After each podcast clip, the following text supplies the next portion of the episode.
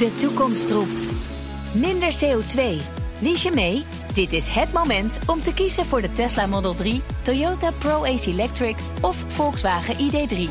Uitstoot verminderen doe je samen met mobilityservice.nl.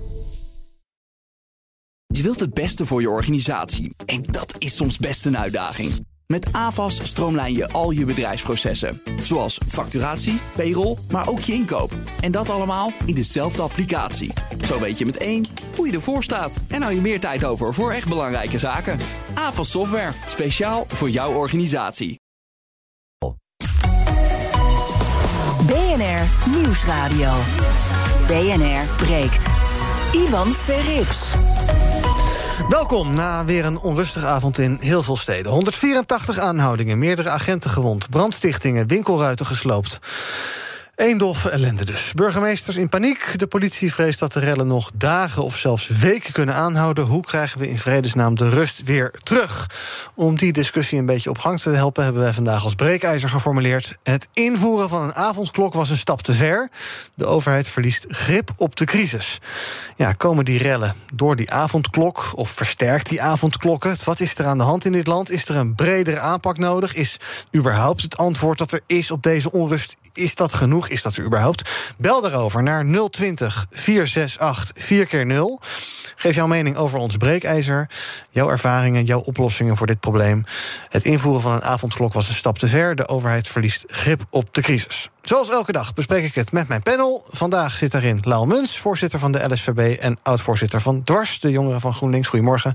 Goedemorgen. En Meerte Westrik, zij schrijft voor nieuwnieuws.nl... en ze is chef video bij scholieren.com. Goedemorgen. Yes, goedemorgen. Hebben jullie allebei een rustige avond gehad... of zijn jullie nog uh, her en der de straat op geweest? Nou, toch wel even een feestje gevierd op straat. Ja?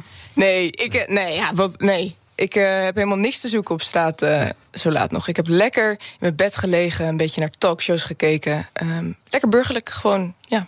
Nou, van Lauf verwacht ik nu een heel spannend verhaal. Nou ja, veel meer, maar uh, ik was echt uh, op de minuut was ik thuis aangekomen. Oh. Dus ik heb echt geluk gehad. Uh, ja. ik, ik, zag later weer iemand op televisie, was net één minuut te laat en die had de boete gekregen. Echt waar? Dus ik ben blij om te horen dat ik net op tijd aangekomen was. Nou, gelukkig maar. Wij zijn wel een beetje allemaal brave burgers hier, geloof ik, hè? Ja, dan moeten we. Wat is dat nou ja, weer? Is misschien, je had misschien beter iemand anders kunnen vragen. Een railschopper, ja. ja. ja. Ja. Goed, we gaan beginnen met ons breekijzer van vandaag. BNR breekt. Breekijzer. Ik zei het al, het invoeren van een avondklok was een stap te ver. De overheid verliest grip op de crisis. Spel naar 020 468 4 keer 0 Daar hangen al heel veel mensen. Uh, die moeten even blijven hangen. Zometeen kom ik uh, bij een groot deel van hen. Um, ook de gast in deze uitzending is Marnix IJsing-Smeets. Die is lector publiek vertrouwen en veiligheid uh, van de Hogeschool in Holland. Goedemorgen. Goedemorgen. Marnix, wil je even reageren eerst op ons breekijzer? Het invoeren van een avondklok was een stap te ver. De overheid verliest grip op de crisis. Ja, zo wil ik er helemaal niet naar kijken. Hoewel? Want ik. Uh, nou, uh, om ook een, een, hele eenvoudige reden. Dat ik uh, geen oordelen wil geven die alleen maar olie op het vuur zijn. Mm -hmm. Dus als je zegt dat de avondklok een stap te ver is. Dan geef je weer mensen reden. Oh, zie je wel, dan is het best goed dat we protesteren. Daar heb ik helemaal geen zin in. Uh, je kan zeggen, met de wijsheid van achteraf. Ja, dat was een uh, stap te ver. -hmm. Ik denk dat niemand het precies op dit moment had voorzien. We weten wel, kijk, dat we maatschappelijke onrust een keer zouden krijgen. Daar kon je vergif op innemen. Ja. Tijdens deze crisis. En dat is ook in andere landen zo gebeurd. En dat is bij al dit soort crisis aan de hand. Dus dit was dan misschien een beetje de druppel die de emmer deed overlopen? Ja, ja, en voor de zomer was ik al bang dat uh, we vooral een grote kans op geweld zouden hebben in Nederland. Zodra er geweld was uitgebarsten rond de verkiezingen in de VS. En wat is nou het opvallende? Twee weken geleden was de bestorming van het Capitool. Een week geleden hadden wij de eerste rellen in Nederland. En dat kan, uh, dus heel onbewust bij mensen kan dat een soort deurtje openzetten. Nou, zie je wel, uh, uh, opkomen tegen het gezag, dat kan dus. -hmm. Het kan inspireren, het kan copycat gedrag geven. En dan kan een avondklok net de ongelukkige trigger zijn. Ja. Uh, um, uh, voor de avondklok waren er ook al best veel demonstraties tegen coronamaatregelen. Waarom ontspoort het nu, denk jij? Wat zie jij om je heen? Ja, um, ik denk dat het allereerst wel belangrijk is om te zeggen... er werd net ook gezegd van de demonstranten die, uh, die komen. Ik, ik denk dat je echt een onderscheid moet maken tussen de demonstranten en de mensen die nu gaan rellen. Je zag uh, op de eerste dag dat het misging in Amsterdam op de Dam. Uh, of tenminste, was het op, op het Museumplein was het dat het misging. Stonden ook andere mensen stonden daar gewoon echt om te demonstreren. Toen ging het vervolgens mis door mensen die gingen rellen. Nu, gisteren, zag je dat het eigenlijk alleen nog maar een oproep was... om gewoon dingen kapot te gaan maken in de stad, uh, te plunderen. Dus ik denk dat je daar een onderscheid in moet maken. Ik denk dat een avondklok zeker voor sommige mensen best wel een heftige maatregel is. Mensen die tot laat werken, die daarna nog eigenlijk hadden willen sporten, een wandeling hadden willen maken, dat geloof ik wel. Maar wat Rutte gisteren ook zei, is. Um, 99% van de mensen houdt zich nog aan de maatregelen. Daar is nog draagvlak voor. Nou, ik vind dat een vrij hoog percentage. Maar het is natuurlijk wel zo dat de meeste mensen daar nog um, wel heil in zien. Dat ze wel snappen waarom die maatregel er is. Um, maar ik denk dat die avondklok misschien een directe aanleiding is voor mensen om nu te gaan rellen. Maar dat het eigenlijk een veel groter onderliggend probleem blootlegt alleen. Dat er mensen al heel lang ontevreden waren over van allerlei dingen. Dat er sociaal-economische redenen zijn waarom mensen. dingen buiten corona. Ik denk dat er, ja, ik denk dat er heel veel onvrede is en dat zo'n zo'n avondklok misschien nu een directe aanleiding is. Dat het symbool staat voor hé, hey, het gaat nog veel langer duren. Um, tuurlijk, mensen zijn coronamoe. Maar ik denk dat het alleen maar iets blootlegt. Dat het blootlegt dat er veel meer onvrede is over van alles en nog wat. Want inderdaad, wat je zegt, er waren hiervoor ook al best wel veel demonstraties. Ja niet zo da in, in deze hoedanigheid, maar... Wel, is, dit een, is dit een resultaat van maanden opgekropte frustratie? Nou, ik herken dat wel. Hè. Wat we bijvoorbeeld ook zien uh, als het gaat over groepen die achtergesteld zijn... Hè, dat uh, tijdens de coronacrisis de ongelijkheid enorm is toegenomen. Nou, dat kan dan natuurlijk leiden tot aan de onderlaag van die ongelijkheid... dat daar ook steeds meer frustratie zich opstapelt. En op een gegeven moment, en dan kan er één maatregel zijn... die dan net iets te veel is, of die lontje doet exploderen. Maar ja, ik denk, ik denk dat in die zin dat wel te verklaren valt. Ehm, maar goed, niemand had voorspeld dat dit nu zou gaan gebeuren. Ehm, ik vraag me wel af hoe lang dit duurt natuurlijk. Hè, want er worden een hoop mensen ook aangehouden. Volgens mij worden er een hoop mensen opgespeurd. Het gaat volgens mij ook niet over een gigantische grote groep mensen. Dus de vraag is of het niet de komende dagen ook weer wat rustiger gaat worden. Gaan we zo even vragen aan Marnix. Eerst even een kort rondje bellers. Je kunt reageren 020 468 4x0. Ons breekijzer vandaag is de, uh, het invoeren van de avondklok was een stap te ver. De overheid verliest grip op de crisis. Pim, goedemorgen. Uh, goedemorgen. Ik, uh, zelf eh, ben ik op zich van mening dat de overheid uh, de, de grip redelijk, redelijk vroeg vorig jaar al verloren is. Ja. En daarmee te maken met het feit dat. Nou. Dus veel te laat met, met dingen als als uh, hoe heet het, uh, de, de, winkelsluitingen en dergelijke, de lockdowns kwamen. En het allemaal aanmodderen is geweest. Uh, ik heb dan redelijk veel, wat, veel discussies ehm, met, met vrienden en ook andere mensen die, die andere mening aangedaan hebben ja. dan mij. Er, zijn, er zitten zelfs een paar van die coronawappies in mijn kenniskring. Ja. En, en, en ja, van het punt dat ze dan zeggen, ja, je moet de overheid niet vertrouwen. En dan vijf minuten later begin je over een gezichtsmasker. Je wil niet weten hoe vaak dan nog gelijk een foto van Hugo de Jonge met maskers zijn ja. schijnveiligheid. Snap het. Maar volgens jou loopt, loopt de overheid dus achter de feiten aan? Uh, ja, ja. En, en ik denk dat een avondklok, het moment dat, dat het al redelijk rustig is in, in Nederland. Want mm, zoals de mevrouw die, die, die u in de uitzending hebt, die, die zei van ik was lekker burgerlijk uh, tv aan het kijken. Zo zijn, zo zijn de meeste mensen lijkt me. En de, de rustige momenten ga je dan uh, alles op straat verbieden. Dankjewel. Richard, goedemorgen. Ja, goedemorgen. Zeg maar. Hallo. Nou ja, uh, alle redenen van de overheid dit, overheid dat. Ik bedoel, van, uh, ik ben ook al een onderdeel van de maatschappij. Maar wat, wat geeft hun het recht om, een, uh, om de troep van een ander te vernielen? Ja, niks. Kijk, ik ben het ook wel hier en daar wel eens niet van eens. Maar ik zei het net tegen de producent of tegen de regisseur. Het, is allemaal van die, het slaat helemaal nergens op. En wat is er erg aan? Ik bedoel, van, dan blijven toch lekker binnen. En al die beelden, ja, sorry hoor. Maar dat zei ik ook al van waar is het in godsnaam met je opvoeding fout gemaakt dat je de troep van een ander gaat vernielen omdat je het ergens niet mee eens bent. Ja, dat is waarschijnlijk een, um, een gevoel dat heel veel mensen hebben. Ik sluit het rondje bellers even af met Ronald Luiten. Ronald, goedemorgen. Dat is een suggestie, geloof ik, hè? Ja, ik heb een suggestie. Er is geen één oplossing voor. Het is een cocktail vol oplossingen. En als je de, uh, de uit de anonimiteit haalt, want ze duiken natuurlijk weer de groep in, en je kunt ze op een of andere manier identificeren, geef de politie paintball-pistolen. Je kunt ze met fluoriserende verf uiteindelijk identificeren. Je kunt ze beter in de gaten houden. Je kunt er videoopnames van maken, waardoor je ze naderhand beter kunt herkennen. Want ze duiken, ze duiken, als ze, of ze zijn herkenbaar en ze gaan naar huis, want ze zijn dan makkelijk te traceren. Of je, ze blijven in de groep en je kunt ze als ME makkelijker eruit halen. Ja, het is wel creatief, maar ik denk dat Marnix daar uh, geen voorstander van is. Het, ik vind het een heel creatief idee, maar uh, laat uh, de politie maar zijn gebruikelijke middelen nemen. Ja.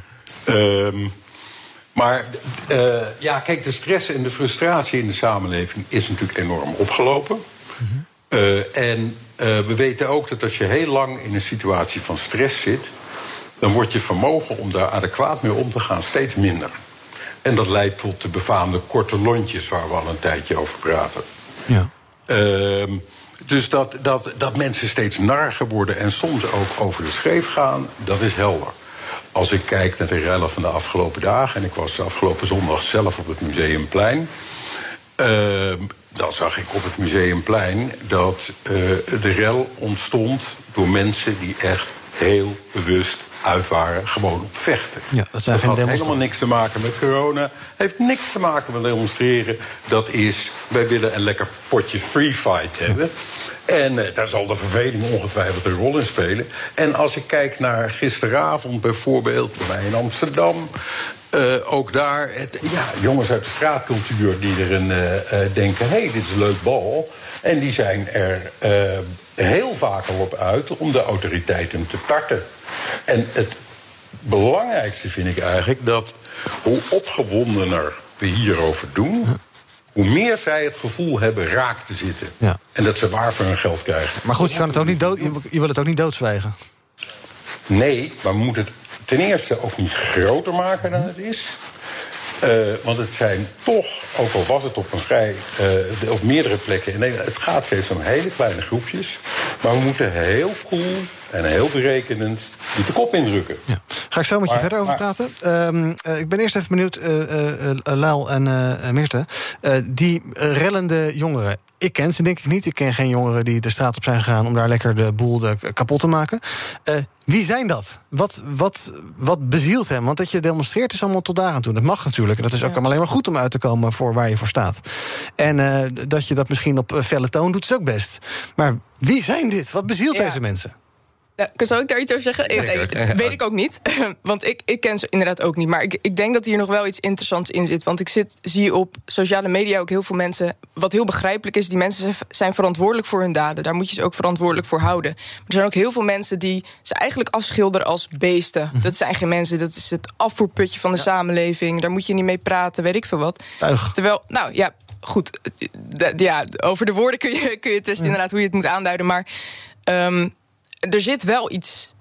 Er zijn heel veel mensen die zeggen: geef er geen aandacht aan. Terwijl ik denk, ja, je hoeft inderdaad er geen aandacht aan te geven in de grootste talkshows. Je hoeft niet iemand op de radio zijn hele verhaal te laten doen. Je hoeft niet een snel foxpopje te doen met een korte zin. Maar het is wel heel interessant om te kijken. Ja, dat klinkt misschien heel stom, maar hoe zijn deze mensen zo geworden? Waar komen ze vandaan en waarom vinden ze het blijkbaar oké om een ziekenhuis te bekogelen. Ja. Of de politie met, met bakstenen uh, daar naartoe te gooien. Ik denk dat het wel belangrijk is om alsnog het gesprek aan te gaan. Het hoeft niet in een snelle talkshow, omdat mm -hmm. dan krijg je het er misschien niet uit. Maar het zijn, het zijn gewoon mensen die je ook bij de samenleving nog steeds moet blijven betrekken, vind ik. Ik vind dat wel een belangrijke om nog steeds om dat goed te benoemen nog. Wel, wat is jouw analyse? Nou ja, ik denk ook dat je ze goed op de radar moet krijgen. Ik denk dat dat nu ook vaak niet het geval is. En we mogen niet onderschatten wat natuurlijk de impact is van ook een jaar binnen zit. Dat is een impact die geldt voor alle jongeren mm -hmm. en uh, voor alle mensen trouwens in het land. Dus dat heeft een hele grote impact op welzijn. Maar er zijn bepaalde groepen die daar echt uh, bijzonder slecht op gaan. En die dan dit, ja. waar dit soort dingen bij kunnen losgewekt worden. Dus dat is allemaal geen reden om dat gedrag goed te praten. Daar mag je heel stevig mm -hmm. over zijn. Dan moet je ook aanhouden, et cetera. En maatregelen opnemen.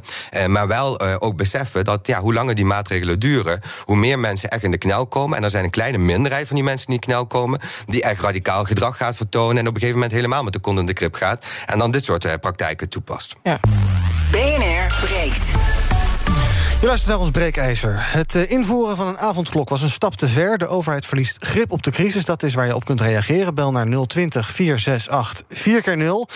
Ik praat erover met Meerte Westrik van nieuwnieuws.nl en vergolieren.com... met Laal Muns van de LSVB, de Landelijke Studentenvakbond... en met Marnix IJsing-Smeets, die is lector Publiek Vertrouwen in Veiligheid. Even nog een paar bellers. Marco Dijkhuizen, goedemorgen. Ja, goedemorgen, met Marco Mark Dijkhuizen. Ja, mijn, uh, mijn mening is gewoon dat er gewoon een paar rotte appels tussen zitten... en dat, er, uh, dat de regering niet te ver is gegaan... en dat er veel disciplinairder moet opgetreden worden. Dus inderdaad, in tegenstelling wat uh, Wop Hoekstra zegt... wel, wel marché en wel militairen... en desnoods mariniers en commando's, want die zijn wel toegerust. Gewoon, ze hebben discipline nodig. En niet denken dat alles maar kan. Want ze worden niet adequaat tegengehouden. En er is al jarenlang te veel fluwele handschoentjespolitiek geweest naar de jeugd. En jij ziet ook een rol. Jij ziet, ook, jij ziet ook een rol weggelegd voor de ouders, hè? Ja, ook, ja, inclusief de ouders. Die zijn wel moeilijker te bereiken, maar daar begint het al. Ja. Dus die discipline moet ook al van huis. Van mij mag diensttijd gewoon weer ingevoerd worden. Ja. Maar ja, dat is mijn mening. Dat is jouw mening inderdaad. Daar bel, bel je ook voor heel goed. Uh, dankjewel. Ik ga even naar uh, Marnix. Uh, ja, jij pleit heel erg voor kalmte. dat is ook goed, lijkt me. Maar ja, als je dan gisteravond die beelden ziet... van inderdaad mensen op straat die brandjes stichten... ja, dan, dan volstaat geen kalmte en te zeggen... nou, goh, wat vervelend toch, en we gaan het eens kalm bekijken. Nee, dan, daar moet je dan toch iets mee op dat moment? Nee, natuurlijk moet je daar wat mee. En uh, zo nu en dan zal je ook heel hard moeten optreden. Het enige vervelende is. Uh, we weten dat als je hier alleen maar hard tegenin gaat. dat je uh, vermoedelijk nog een hele tijd bezig bent. En dat het, dat het vaak nog niet eens werkt. Uh, want je, het is namelijk feest. Deze jongens zijn juist uit op de harde confrontatie. Dat is voor hen sport. Het is alsof ze de Efteling op bezoek krijgen in de stad. En dat moet je ze niet willen geven. Nee. En dat betekent dat je heel goed moet nadenken. In elke stad weer verschillend, want het gaat om andere uh, uh, jongens en mannen. Meestal tenminste. Uh, dat je denkt van wacht even, waar zit hier, hoe lopen hier de processen?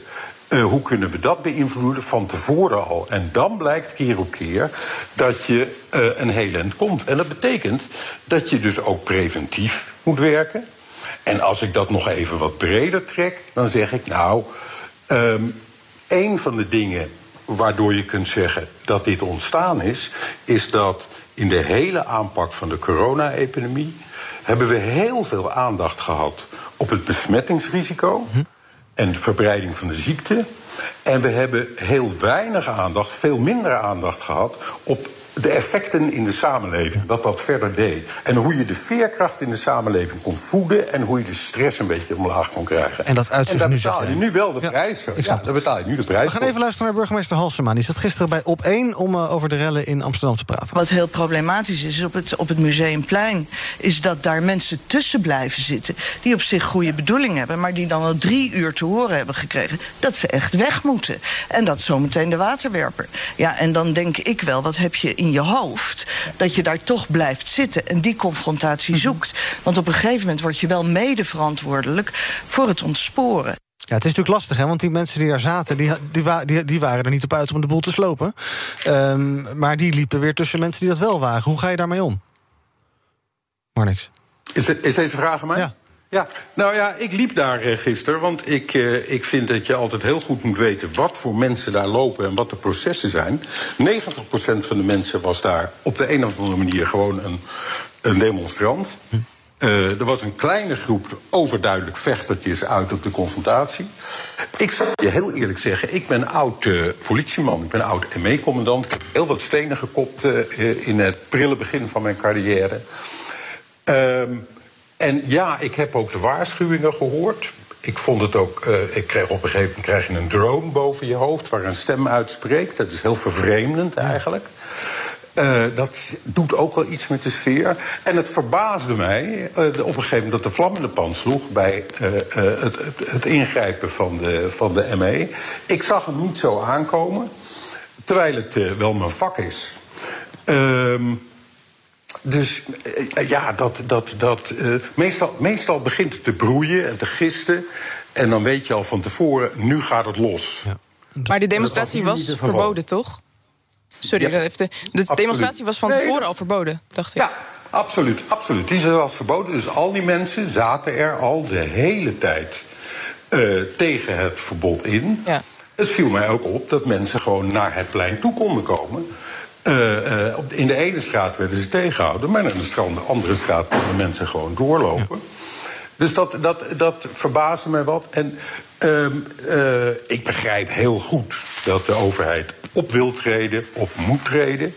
Ik vroeg me wel af toen ik het, het geheel had gezien.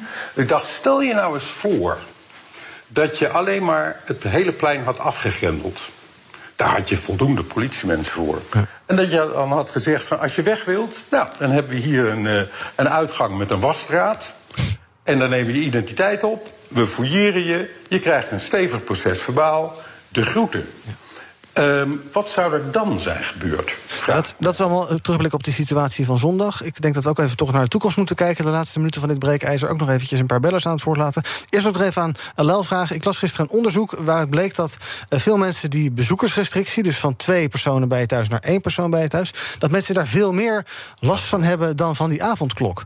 Uh, heb jij dat zelf, is dat, is dat ook iets wat jij bedrukkender vindt dan die avondklok zelf? Uh, voor mij persoonlijk, ik vind de avondklok echt wel moeilijk. Want ik werk bijvoorbeeld vaker wat later door... En dan kan ik dan nog uh, eventueel naar mijn vriend toe gaan, bijvoorbeeld na het uh, werk. Gisteren kon ik dat niet doen. Dat vond ik echt wel uh, jammer. Mm -hmm. Dus dat is voor mij persoonlijk waar. Maar ik kan me voorstellen, natuurlijk, die bezoeken voor veel mensen. Veel mensen zaten toch al binnen, dus ja. avonds. Dus ik kan me heel goed voorstellen dat dat voor veel mensen belangrijker is. Wat ik nog wel aanstippen trouwens, is dat ik, waar, ik wel een beetje moeite mee heb, is ook dat er steeds vaker gezegd wordt: oh, dan moeten we maar demonstraties helemaal gaan verbieden. Gisteren ja. waren ook wel geluiden om bijvoorbeeld de verkiezingen maar te gaan afschaffen. Um, ik hoor ook die harde hand. Hè. Kijk, het is natuurlijk prima als er onruststokers zijn om ze op te pakken, ze te vervolgen en alle maatregelen laten nemen die nodig zijn.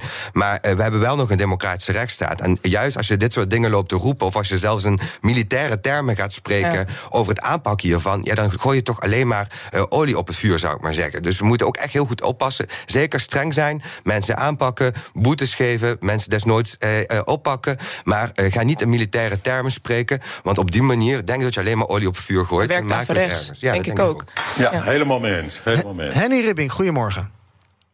Goedemorgen. Ik had ook aangegeven, net als de spreker zegt, olie op het vuur. Ik ben van mening dat uh, de rellen en uh, wat nu plaatsvindt... gebeurde ook al toen er gewoon een coronadiscussie was. En uh, we geven eigenlijk met dit programma, een heel goed programma... maar we geven nu aandacht aan al die jongens die juist graag gehoord willen worden... met deze negatieve aandacht en het, het neppen. Want een, een winkel ingooien heeft niks met corona te maken. Dus jij zegt niet laten horen? Dit, dit, programma over positieve dingen die wel goed gebeuren. Mensen die, die vrijwilligers die bezig zijn op te Zeker. ruimen. Den Bosch die nog. juist gehoren, Ja. daarover hebben. En niet deze jongens in de radio laten horen hoe goed het gaat, hoeveel aandacht ze krijgen. Maar dan gaan ze nog meer via social media oproepen. Jongens, we gaan meppen.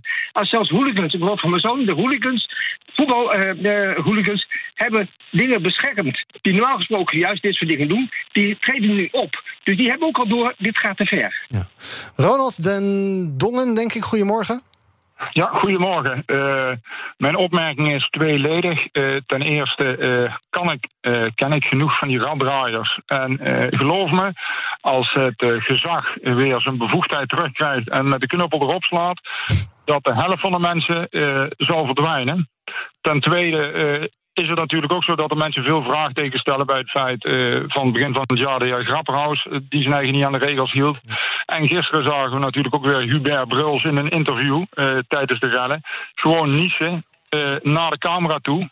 zonder zijn hand voor zijn mond en zonder zijn elleboog te gebruiken. Ja. Dus nogmaals, het is tweeledig. En het gezag moet zijn respect weer terugkrijgen. Gewoon met de harde hand. En uh, de, ja, de overheid en de windvoerders die moeten gewoon uh, het goede voorbeeld geven. Ja, dankjewel. Ik geloof dat je via de camera niet besmet kan worden. Dat is dan wel weer fijn, anders hadden wij allemaal in Nederland nu corona gehad. Ik wil in de laatste twee minuten van dit breekijzer nog even twee dingen bespreken. Um, uh, Marnix, we hebben het heel erg gehad over de aanloop en dergelijke. wat, is, wat is er nu nodig? Want de ja, reacties van de burgemeesters van nu, daar straalt voor mijn gevoel niet echt een plan uit of iets dergelijks. Hoe gaan we ervoor zorgen dat het weer kalm wordt? Nou, allereerst moeten we in onze taal kalm uh, worden. Ja. In, in, het verlengde met wat uh, een van de panelleden net zei. Mm -hmm. We moeten dus ook niet zeggen... ja, maar hoe komen we hier nou de komende weken vanaf? Nee, want hoe meer je zegt dat je dit gaat houden... hoe meer je het ook houdt. Accepteer je het al? Ja. Mijn, ja, mijn grote hoop is gevestigd op de weersverandering... midden van deze week. Want als je lekker veel regen hebt, dan eh, ben je een hele hoop van de ellende al kwijt. En verder zal je heel goed op lokaal niveau zal je moeten kijken. En dat is dan niet alleen maar bestuur en politie, maar halen jongerenwerkers bij. Halen echt kennis bij van de gasten die op straat lopen.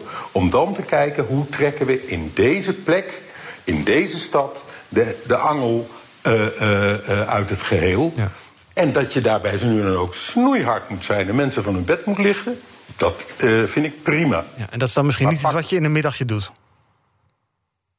Uh, nou, hoe meer je de echte aanstichters eruit weet te plukken. Want je hebt een hele hoop meelopertjes en je hebt een aantal aanstichtertjes. Die aanstichtertjes moet je zien, uh, zien uh, te grijpen. En die moet je ook met, wat mij betreft, heel zichtbaar aanpakken. Maar kijk daarnaast vooral ook, wat kan je langs preventieve weg doen? En dan is het sluitstuk snoeiharde repressie. Ja, Meerte, tot slot, ik krijg het gevoel dat uh, Marnix ook zegt... we moeten natuurlijk niet accepteren dat we denken dat het nog weken gaat duren... maar dat het ook niet iets is wat, wat bij wijze van spreken vanavond opgelost is. Hoe weeg jij dat met elkaar, tegen elkaar af? Ja, nee, ik vind het heel goed wat hij zegt. Dus en je kunt best wel een signaal afgeven van... we treden hard op tegen mensen die ja, bakstenen naar politie gooien... naar paarden, naar ziekenhuizen. Dan kun je best zeggen, yo, niet oké, hier gaan we hard tegen optreden. Maar ik denk dat het ook heel belangrijk is. Ik vergelijk dat een beetje met een soort gevangenis. Als je heel erg, heel erg strenge regels hebt in zo'n gevangenis, zie je dat mensen daarna sneller in de fout gaan. Dus je moet ook echt inzetten op preventie. En hoe je dat dan doet, ja, toch, die mensen spreken hoeft dus niet per se in een podium, maar zeker wel proberen te begrijpen hoe, hoe komt dit nou. Ik praat zo verder met Meerte en met Laal. En ik bedank Marnix, Marnix IJsing-Smeets, lector publiek vertrouwen in veiligheid van de Hogeschool in Holland. Zometeen gaan we praten over zaken als uh, een datalek bij de GGD en over Wopke Hoekstra. Is. BNR Nieuwsradio. BNR breekt. Ivan Verrips. Hallo en welkom terug bij BNR Breekt. De perfecte onderbreking van je werkdag. We bespreken het meest opvallende nieuws uit de media. Zoals altijd met een panel. Vandaag met Lau Muns, voorzitter van de LSVB en oud-voorzitter van Dwars. En met Meerte Westrik van nieuwnieuws.nl en chef video bij scholieren.com. Um, ja, we hadden net een beller die zei: je moet eigenlijk geen aandacht aan besteden. Dus eigenlijk moeten we het hele vorige half uur gewoon maar weggooien. Het heeft nooit bestaan. Waar hebben we het over gehad? ja, precies. We hebben heerlijke muziek uitgezonden. Ja, nee, maar ik ben wel benieuwd wat jullie daarvan vinden. Want uh, natuurlijk, wij besteden er ook aandacht aan. Een half uur, dat is best veel. Mm -hmm. um, moet je dat dan niet doen of hoe moet je dat wegen, Meerte? Nou, ik vind dat je het wel moet bespreken. Het zijn de grootste rellen in 40 jaar. Dat kun je niet aan je voorbij laten gaan en het soort van negeren. Want dat is voor heel, mens, heel veel mensen ook gewoon werkelijkheid... als in ze zien die mensen ja. op straat staan. Maar aan de andere kant worden dus de railschoppers daarmee bevestigd... in hun, ja, die aandacht die ze daarmee mm. trekken. En... Nou ja... Ik denk niet dat de railschoppers veel naar BNR luisteren, maar... dat valt ook nog wat te betwijfelen. Nou ja, bevestig je hun daden, zeg maar, zeg je... Ja, we, we, zijn er kritisch over. Nee, maar je geeft, ze, je geeft ze aandacht. En aandacht, ja, alles wat je aandacht geeft, groeit. Zeg ik maar eens even heel filosofisch. Ja, het is een interessante vraag, uh, Iwan. Nou, dan wil ik weten wat Lau ervan vindt. Help ons, Lel. Nou nee, ik, uh, ik denk dat aan zich, je kunt sowieso niet voorbij laten gaan. Ik geloof, je bent ook een nieuwsprogramma en je wilt ook uh, vertellen wat er gebeurt in de wereld. En uh, kijk, het, het, is ook een gelegenheid om die, aan, die rellers ook te confronteren met hoe een samenleving er tegenover staat. Want misschien, ik hoor soms ook wel mensen die heel kritisch zijn op de coronamaatregelen zeggen, ja, wij spreken namens het volk. Mm -hmm. Maar nu zie je toch ook dat hele grote lagen van die bevolking zeggen van nee, dit is absoluut niet de stijl die wij zoeken. Dus ik denk ook dat het juist dat draagvlak in ieder geval, door, door de aandacht aan te geven, kun je ook wat doen met het draagvlak uh, van uh, bepaalde maatregelen in de samenleving. En iets doen aan de weerstand uh, daartegen. Want laat ook wel zien dat sommige dingen echt te ver gaan. En dat een overgrote meerderheid van de bevolking er absoluut niks van wil weten. Ja, toch maar wel... hoeveel zin dat heeft. Want je ziet inderdaad burgemeesters, Tweede Kamerleden, iedereen van links tot rechts veroordeelt het.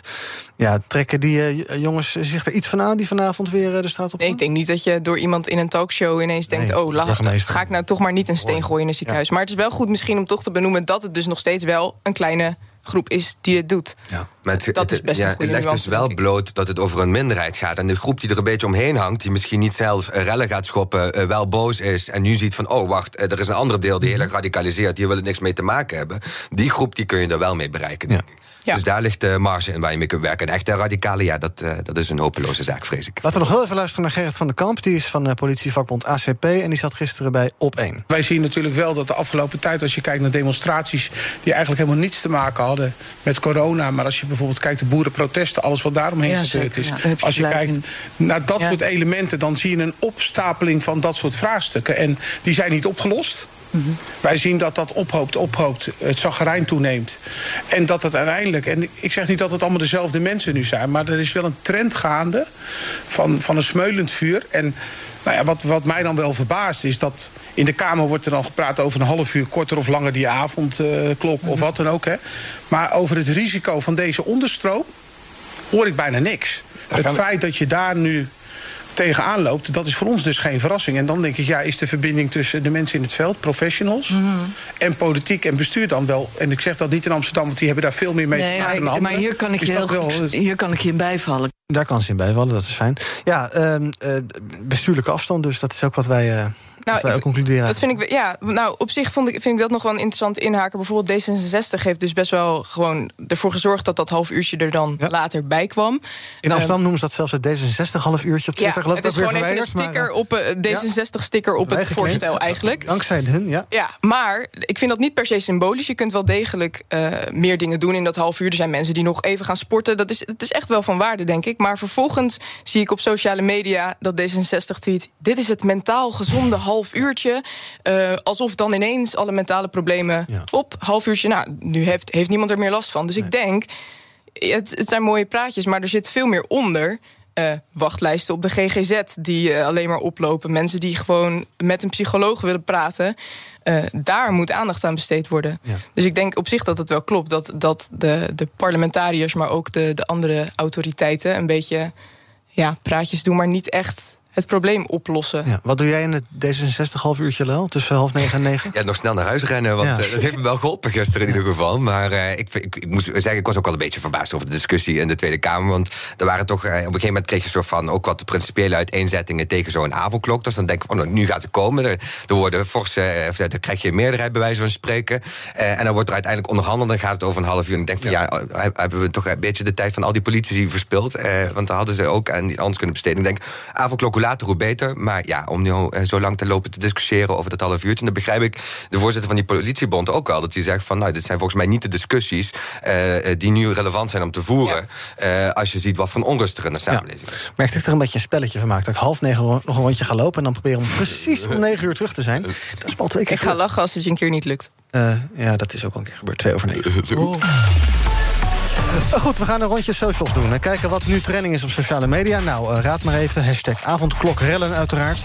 Maar ook de tegenstanders van die eh, rellen... die verenigen zich onder de hashtag Wij zijn met meer. Wat natuurlijk ook gewoon feitelijk zo is. Ook eh, trending eh, Wopke Hoekstra. Die zat vanochtend bij Goedemorgen Nederland. Ik zag hem op eh, tv voorbij komen. Daar gaan we het zo nog over hebben. We gaan hem ook nog even horen. En eh Jinek is trending. En dat heeft ook te maken met eh, Peter R. de Vries. Hij ging in dat programma ehm, in discussie met eh, burgemeester John Jorritsma van Eindhoven over de rellen. En dat komt hem op veel kritiek te staan. Luister eens mee naar Peter R. Vries. Wat we hier zien is het radicale topje van een veel grotere ijsberg... die vol zit met ongenoegen, frustratie, niet gehoord worden... onbegrip voor maatregelen, inconsequente maatregelen die genomen zijn... een vaccinatieprogramma wat maar niet op gang komt. En we zijn bijna drie weken onderweg... Er zijn geloof ik 100.000 mensen gevaccineerd. Ja, somt de reden op waarom mensen ontevreden zijn. En eh, nou, dat, is natuurlijk wel, eh, dat zijn allemaal terechte zaken. Alleen dat je daarom de straat op gaat en de boel kort en klein slaat... dat is dan weer niet goed te praten. Ook bij Jinex zat Daniel Verlaan, techjournalist van RTL Nieuws... om te vertellen over de beveiliging van de GGD's. Die is zo lekker als een mandje. Die persoon, eh, eh, daar kreeg ik alle gegevens en die klopten allemaal. NRW, 06, e-mail, BSN, ehm, de, de uitslagen, eh, alles. Ja, die, ehm, die gegevens zijn heel veel waard. Privégegevens van mensen zijn, zijn gewoon goud waard voor criminelen. Ja, even kort. Hij heeft dus onderzoek gedaan. Hij doet vaker dit soort onderzoeken. En heeft ontdekt dat je via allerlei schimmige groepjes, eh, via apps en dergelijke, eh, gegevens kan krijgen van iedereen die getest is in zo'n teststraat. Dat staat natuurlijk in het ICT-systeem. Ehm, ja, Meerte, overheid en ICT, brandlos. Waar moet ik beginnen? Nee, ehm, wat, wat mij nog het meeste raakte... was dat zo'n Peter R. de Vries en zo'n John van de Heuvel... da- daar is nu van bekend dat hun gegevens ook op straat lagen. Dat dus de gegevens van zwaar beveiligde journalisten... misdaadjournalisten in dit geval, ook op straat liggen... en dat kwaadwillenden eh, zo aan die gegevens kunnen komen, langs kunnen gaan. Dus dat je ook echt het werk van mensen in publieke functies... hiermee heel erg belemmert. Eh, dat vond ik, dat, dat raakte mij misschien nog het meest hiervan. Maar ja, het is natuurlijk een drama. En ik las ook, ook dat iedereen die in zo'n teststraat werkt... ik weet niet of ik het goed zeg... maar dat iedereen in zo'n teststraat werkt ook in die gegevens kan. Toegang Toen vroeg al die gegevens, Ja, toen vroeg ik ja. me af, waarom? Waarom moeten die mensen daarin kunnen en hoe komen ze daarin? dat, daar ben ik nog niet helemaal achter gekomen. Het wordt natuurlijk een beetje speculeren, maar je krijgt bijna het idee dat zo'n systeem eh, met stoom en kokend water opgezet is. En dat, eh, nou ja, dat regelen we allemaal achteraf wel. Ik weet niet of jij getest bent, Lau. Het gaat me niks aan, maar. Eén keer, hè, zeker. Nou, dan weet ik ook je 06-nummer binnenkort. Eh, Daniel Verlaan die schrijft op Twitter dat de GGD inmiddels waarschuwt voor journalisten. Omdat eh, eh, die kritische verhalen maken. En medewerkers moeten niet met journalisten praten. En eh, dat is, nou ja, de GGD die moet dit probleem toch gewoon fixen. Je moet toch inderdaad geen toegang kunnen hebben tot mensen waarbij je geen test uitgevoerd hebt. Of eh, überhaupt iets mee te maken hebt. Nee, ja, ik zou niet weten waarom mensen die in een teststraat werken... en gewoon alleen dat stokje zo erin hoeven te doen... waarom die ook bij de gegevens van al die mensen zouden kunnen. Dat snap ik niet helemaal, hoe Nee. dat zit. Ik ben nog helemaal niet getest. eh, ben ik- jij bent veilig. Een van de weinigen. Nou ja, grappig. Ik denk nu ook, stel dat ik morgen een beetje een loopneus heb. Nou ja, ik zou niet naar werk komen, denk ik. Maar ja, ga je dan laten testen als je weet dat potentieel al je gegevens eh, eh, daar worden opgeslagen en eh, ook weer uit kunnen lekken? Ik weet het niet. Nou ja, ik denk in ieder geval, hè, er is ook de afgelopen tijd gesproken over... is die testbereidheid wel voldoende? Op een gegeven moment waren er meer tests beschikbaar dan mensen die wilden testen. Ja, dit is natuurlijk eh nefast voor de bereidheid van mensen ook, ook om te testen. Er zijn echt mensen die zich terecht zorgen maken over hun privacy. Ehm, als, al- al- helemaal als er ook verhandeld wordt in gegevens... ja, dat, dat helpt natuurlijk niet om mensen naar die teststraat te helpen... terwijl dat, dat juist is wat we nodig hebben als we dat coronavirus willen bestrijden. Lau, wat leuk dat je over privacy eh, begon. Eh, Ja. Jij wilde praten over eh, eh, online surveilleren. Dat is een onderwerp dat veel studenten aangaat. Jullie hebben een oproep gedaan met de LSVB. Stop daarmee. En dat heeft natuurlijk te maken met studenten die thuis examens moeten maken. Proctoring. Je moet even uitleggen wat er aan de hand is. Ja, nou, op dit moment is het zo in de coronacrisis dat eigenlijk de meeste onderwijsinstellingen, tenminste is het nieuws dat we vandaag eh, naar buiten hebben gebracht, eh, online proctoring gebruiken. Nou, wat betekent dat? Je zit als eh, student thuis je tentamens te maken. Je installeert software op je computer. Dat moet je doen van de onderwijsinstelling. En dan kan die software meekijken met jouw eh, alle audiomateriaal, alle vi- eh, videomateriaal, dat nemen zij op. Nou, en dat wordt dan opgeslagen. En dan gaan er een hoop algoritmes op los en die gaan kijken of jij gefraudeerd hebt. Nou, en het probleem daarmee is de A, nou, de privacy van studenten. Dus je wordt eigenlijk gedwongen om een inkijkje te geven in je huiskamer. Eh, en we hebben ook onlangs een datalek ge- gehad. Dus er waren journalisten in Groningen bij de Hans Hogeschool.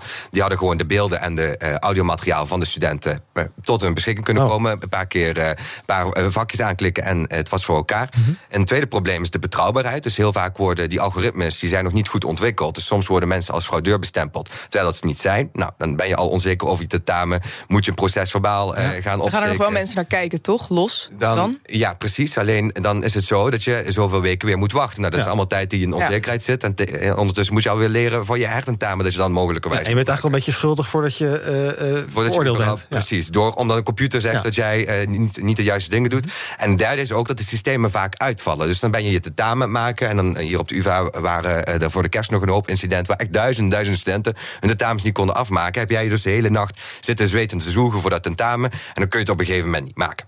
Nou, en wat zeggen wij?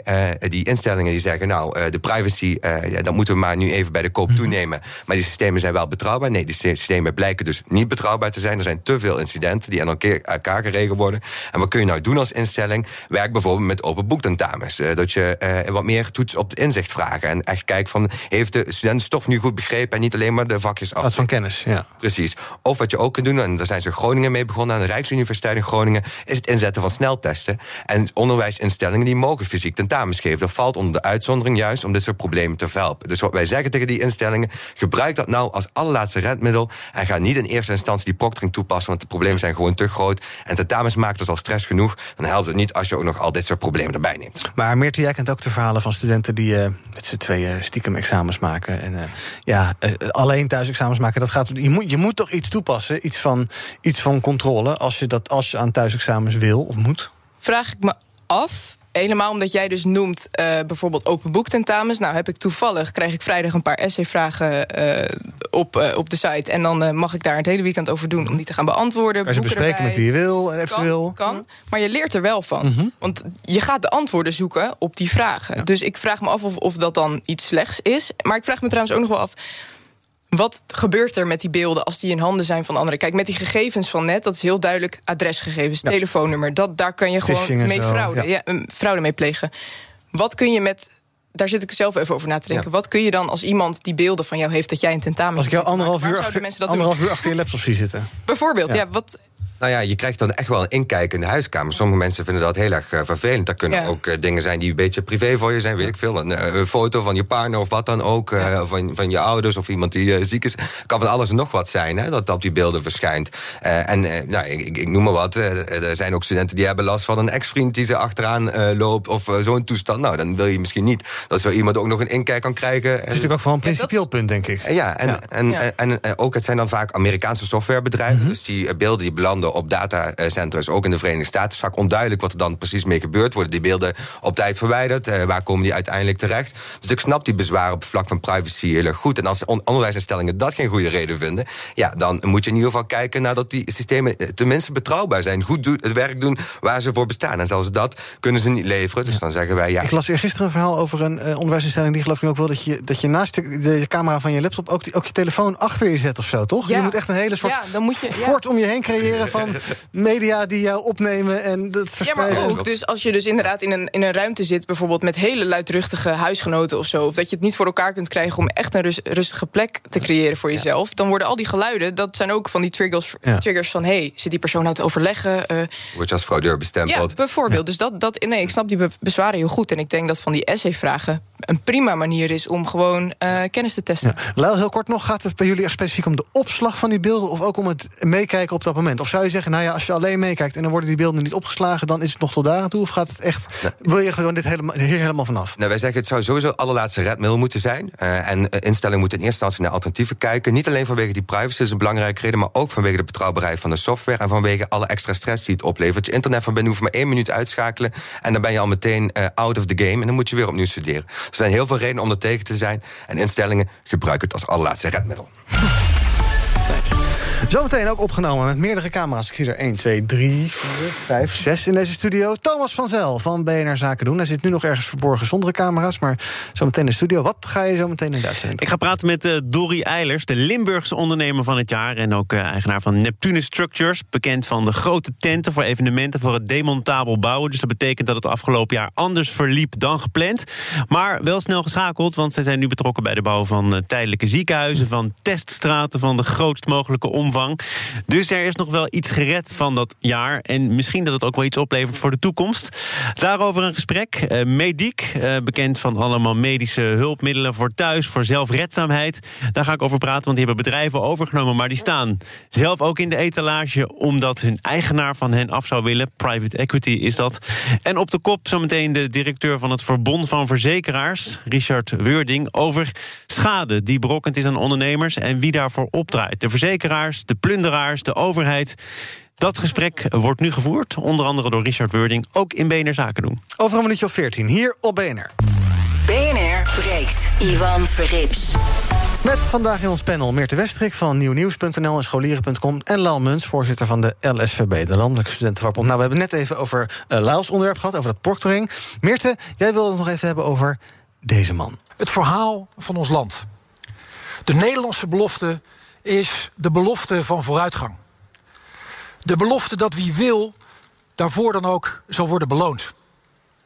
Dat je met hard werken van een dubbeltje en kwartje kunt worden. Hij wordt aan het einde een beetje schoor zelfs. Het was Wopke Hoekstra afgelopen zaterdag op leefde het, zich uit. op het CDA-congres in Eindhoven. Er was een verhaal vandaag in NRC. Eh, Hoekstra hoopt op een tweestrijd met Rutte. Ehm, ik ben even benieuwd, waarom wil je hierover praten überhaupt? En, eh, Nee, ik had, het, ja, ik had het aangegeven omdat het me opviel. Ik zat vanochtend ook even naar, eh, naar Goedemorgen Nederland te kijken. Mhm. Het viel me op, en dat is ook al heel veel gezegd in, in kranten... dat hij inderdaad heel erg mikt op zo'n tweestrijd met de VVD. En die quote die wordt ook overal aangehaald dat hij zegt... dit alles is het, eh, is het gevolg van tien jaar VVD-beleid. Nou ja, dat is een hele, volgens mij een hele doorzichtige campagnestrategie voor iemand die zelf minister van Financiën is, die zelf eh, eigenlijk eh, heeft meegeregeerd met, met diezelfde VVD. Die nu nog aan de knoppen Ehm, zit. Die nu nog steeds aan de knoppen zit. En, en Mona Keizer die ook noemt, ja, waar, waar blijft nou eigenlijk die duizend euro van Rutte, die dat er ineens weer even ingooit. Terwijl Wopke, Hoeks- Wopke Hoeks- Hoekstra oh, eh, dus nog steeds de minister van Financiën is. Ja, ik vond het, eh, ik vond het opvallend en interessant. Ja. Heel veel partijen doen het natuurlijk al heel vaak. Dat ze een beetje de tweestrijd met een, met een grote VVD aangaan. Om een beetje electoraal succes eruit te halen. Maar eh, ik, ik vond het een opvallende quote van hem. Ja. Ja. Nou, Lel, nou, nou zijn jullie allebei, denk ik, een beetje aan de linkse kant van het spectrum. Van Lel weet ik het zeker. Nou, van jou weet ik het eigenlijk niet helemaal meer. Maar dat gaat, maakt er niet zoveel uit. Waar het meer om gaat is, wat moet Hoekstra anders? Want waar het nu over gaat eh, in eh, programma's, maar ook eh, in de Tweede Kamer... is corona, corona en corona. En corona. Ehm, het CDA was toch een partij die het van het klassiek een beetje moest hebben... van de normen en waarden en de gezin als hoeksteen van de samenleving. Dat soort teksten. Ja, wat, wat moet Hoekstra nu? Hoe, wat, wat, wat zou jij hem adviseren als je zijn adviseur was? Nou, ik, ik- hij heeft in ieder geval nog hele hoop aandacht gekregen met alles wat hij verteld heeft. En ik zag hem ook wel wat sterk in de peiling. Dus misschien doet hij het in die zin wel goed. Ik moet zeggen, ik vind het wel ook een beetje doorzichtig en ook een beetje hypocriet. Want eigenlijk geeft hij een soort van eh, kritiek op het neoliberalisme van Rutte, eh, van tien jaar Rutte. Dus je denkt, eh, dat had ook eh, van Ascher of van, van, van Ploemen of van Jesse Klaver kunnen komen. Maar vervolgens het eerste wat hij doet in het programma is het minimumloon eruit halen. En dan weer zeggen, ja, dat is toch niet nodig dat we minimumloon ophogen. Dus ja, je gaat kritiek geven op dat het allemaal te neoliberaal is geweest. Dat de staat zich te veel heeft teruggetrokken. En dat is de verantwoordelijkheid van de VVD. Maar vervolgens zeg je eigenlijk zelf van, nou weet je wat, maar een van de maatregelen die we er kunnen nemen om dan toch het wat beter te maken voor de onderlaag, zou ik maar zeggen, van de inkomensladder, eh, die eh, gaan we lekker uit het programma halen, want dat is ons te links. Nou, en het advies dat ik dan zou geven, nou ja, normen en waarden, daar kun je volgens mij heel veel mee doen in deze coronacrisis. Dus eh Ja. daar kun je ook. nou ja, inderdaad, zeker ook met die rellen van nu. Vanochtend zat ze bij Goedemorgen Nederland. Daar gaat het natuurlijk ook over die rellen. Eh, je hoort hier Welmoed Zeistra. En dan wordt er gesproken over gepaste straffen. Wat zijn wat u betreft gepaste straffen? Nou ja, in dit soort gevallen wil je natuurlijk echt dat er gewoon wordt opgespoord dat mensen snel worden berecht. Eh, en dat in dit soort gevallen ook celstraf eh, echt het gevolg is. Eh, niet meer toestaan dat mensen er alleen met een taakstraf straf vanaf zouden komen.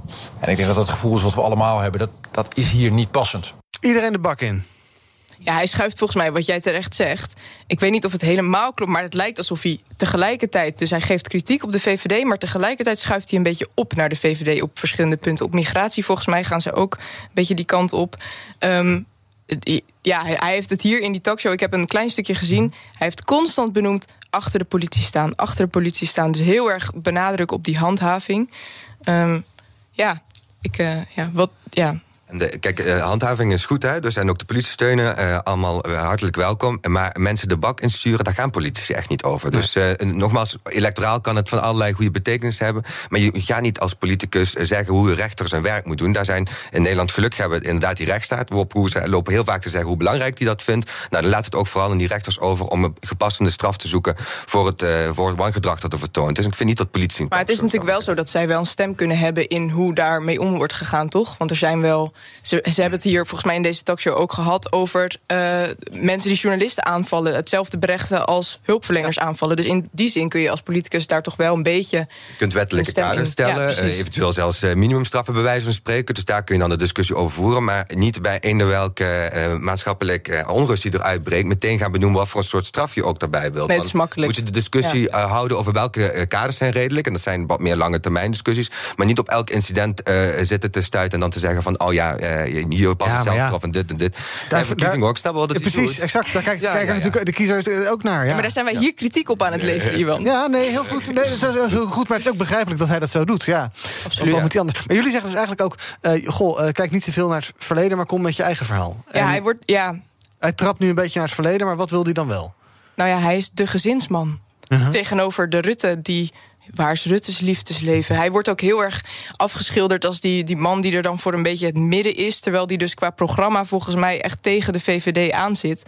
Ik vind het, wat wij allebei dus zeggen, ja, een beetje doorzichtig. Begrijpelijk, maar wel doorzichtig. Ja, en echt serieuze concurrentie voor Rutte ook niet dus. Nou, je ziet dus wel in de peilingen dat het iets doet, volgens mij. Ja. Dus het gaat vast wel iets opleveren. Maar iets doet, maar is, is het echt is het gevaarlijk voor Hij Rutte? moet even een punt vinden waarop hij zichzelf helemaal kan profileren... Mhm. in plaats van de gezinsman. Ja. Want je had, eh, jij zou nog denken, normen en waarden. Dan kan ik nog aan de toeslagenaffaire denk- denken. Maar dat blijkt eh rechtse mensen ook niet zoveel te boeien, geloof ik. Nee. Nee, ja, die gaan gewoon weer op Nee, maar hij, stemmen. hij, hij is daar natuurlijk ook onderdeel van zelf. Dus dat wordt voor hem ook een moeilijk verhaal misschien... Ja. om daar nu ineens met normen en waarden gaan, te gaan strooien... Ja. als minister van Financiën. Ja, jullie zien het, ja. ja dus ja, dus, ja wat moet hij... Schrijven we de C- CDA nu af hier? Eh, wat, wat moet hij de komende... Probeer een beetje ook in zijn hoofd te verplaatsen. Wat moet hij nou de komende tijd? Eh, eh, ook zonder debatten, zonder grote Ja, het heeft ook nog gezegd van eh, het kabinet gaat eh, voorzichtiger zijn met optreden in talkshows. Daar waren ze volgens mij ook allemaal niet zo heel erg blij mee dat hij dat had gezegd. Het is een soort terug, terugpakactie misschien dit, die Ja. quote van hem. En daarom zit hij natuurlijk ook een Goedemorgen Nederland. Als hij niet de lijsttrekker van eh, de CDA nu was geweest... dan had hij waarschijnlijk gezegd... nou, ik- ga niet als minister reageren op rellen en dat soort zaken. Maar wat moet hij de komende tijd? Toch maar eens een eigen verhaal zoeken en dat blijven uitdragen? Hij moet gewoon, ik denk dat hij een punt moet zoeken waarop hij zichzelf anders kan profileren dan de VVD. Je kunt best jezelf afzetten tegen de VVD. Je kunt natuurlijk ook kritiek leveren op iets waar je zelf een beetje aan hebt meegewerkt. Dat geloof ik allemaal wel. Hij moet iets vinden waar die, waarop hij zichzelf echt helemaal kan profileren als de CDA-voorman. Ja. Dan ga ik Lau nog even een moeilijke vraag stellen. Via Rutte of via Hoekstra? Oh jeetje. nou ja, geloof. Nou, dat is een goede vraag eigenlijk. eh. Neem de tijd. Ja, nou, zal ik geen uitspraken doen over de voor? Waarom niet? Nou, ik weet niet wat. Ik weet niet of. De, kijk, ik denk eerlijk gezegd dat het niet zo superveel verschil uit zou maken. Eh, Rutte heeft dan wat meer ervaring, dus misschien heb je dat dan eh, als voordeel. Inhoudelijk vraag ik me dat echt heel erg af. Volgens mij hebben ze prima samengewerkt de afgelopen vier jaar en zijn de verschillen op één hand te tellen. En sterker nog, heeft Hoekstra ze dus weer wat dichter bij de VVD gebracht. Eh, daar waar de jongen dan zo gezegd voor die wat links koers. Dus ik denk eerlijk gezegd dat het echt Het is jou een beetje om het even. Ja. We komen bijna aan het einde van dit programma. Niet voordat we het nog heel even kort over die avondklok gaan hebben. Want minister Grapperhaus heeft inmiddels laten weten... dat het kabinet echt vast gaat houden aan die avondklok. Je hoort, eh, nou, we hebben het ook al besproken... soms toch wel eens wel oproepen van eh, mensen die zeggen... goh, dit is, eh, daardoor komen al die rellen. Nou, we hebben al een beetje geconcludeerd... dat is niet het geval. En eh, misschien is het wel een soort druppel die de emmer deed overlopen. Maar eh, het is niet de reden voor al die rellen. Sinds eh, de avondklok zaterdag eh, is ingegaan... is het dus in verschillende steden onrustig geweest. Politie belaagd, winkels geplunderd. Een goed idee om hier dan nu toch maar. Als je, je gaat je natuurlijk niet laten regeren door, door schreeuwers. En goed idee om je aan vast te houden dan maar. Dus even doorbijten met z'n allen tot eh, 11 februari, zoiets. Denk ik wel, omdat ik dus heel veel merk om me heen dus... dat mensen toch al niet meer zo laat nog de deur uitgingen... en dat misschien dingen als maar met één persoon mogen afspreken... dus blijkbaar een, een heftigere maatregel is voor veel mensen. En dat die avondklok, ja, dat kunnen we. Ik denk wel dat we niet hoeven te hopen. Ik denk niet dat we hoeven te hopen dat het op 11 februari al voorbij is. Dat is over twee weken. En eh, ik denk dat we er nog wel langer vast in zitten. Maar goed, eh, laten we het dan maar volhouden. Ja, maar- Leuk, Lau, bedankt. Ja. Nou, iets positiefs dan? Lukt het nog? Iets positiefs? Nou, eh, nee. Maar.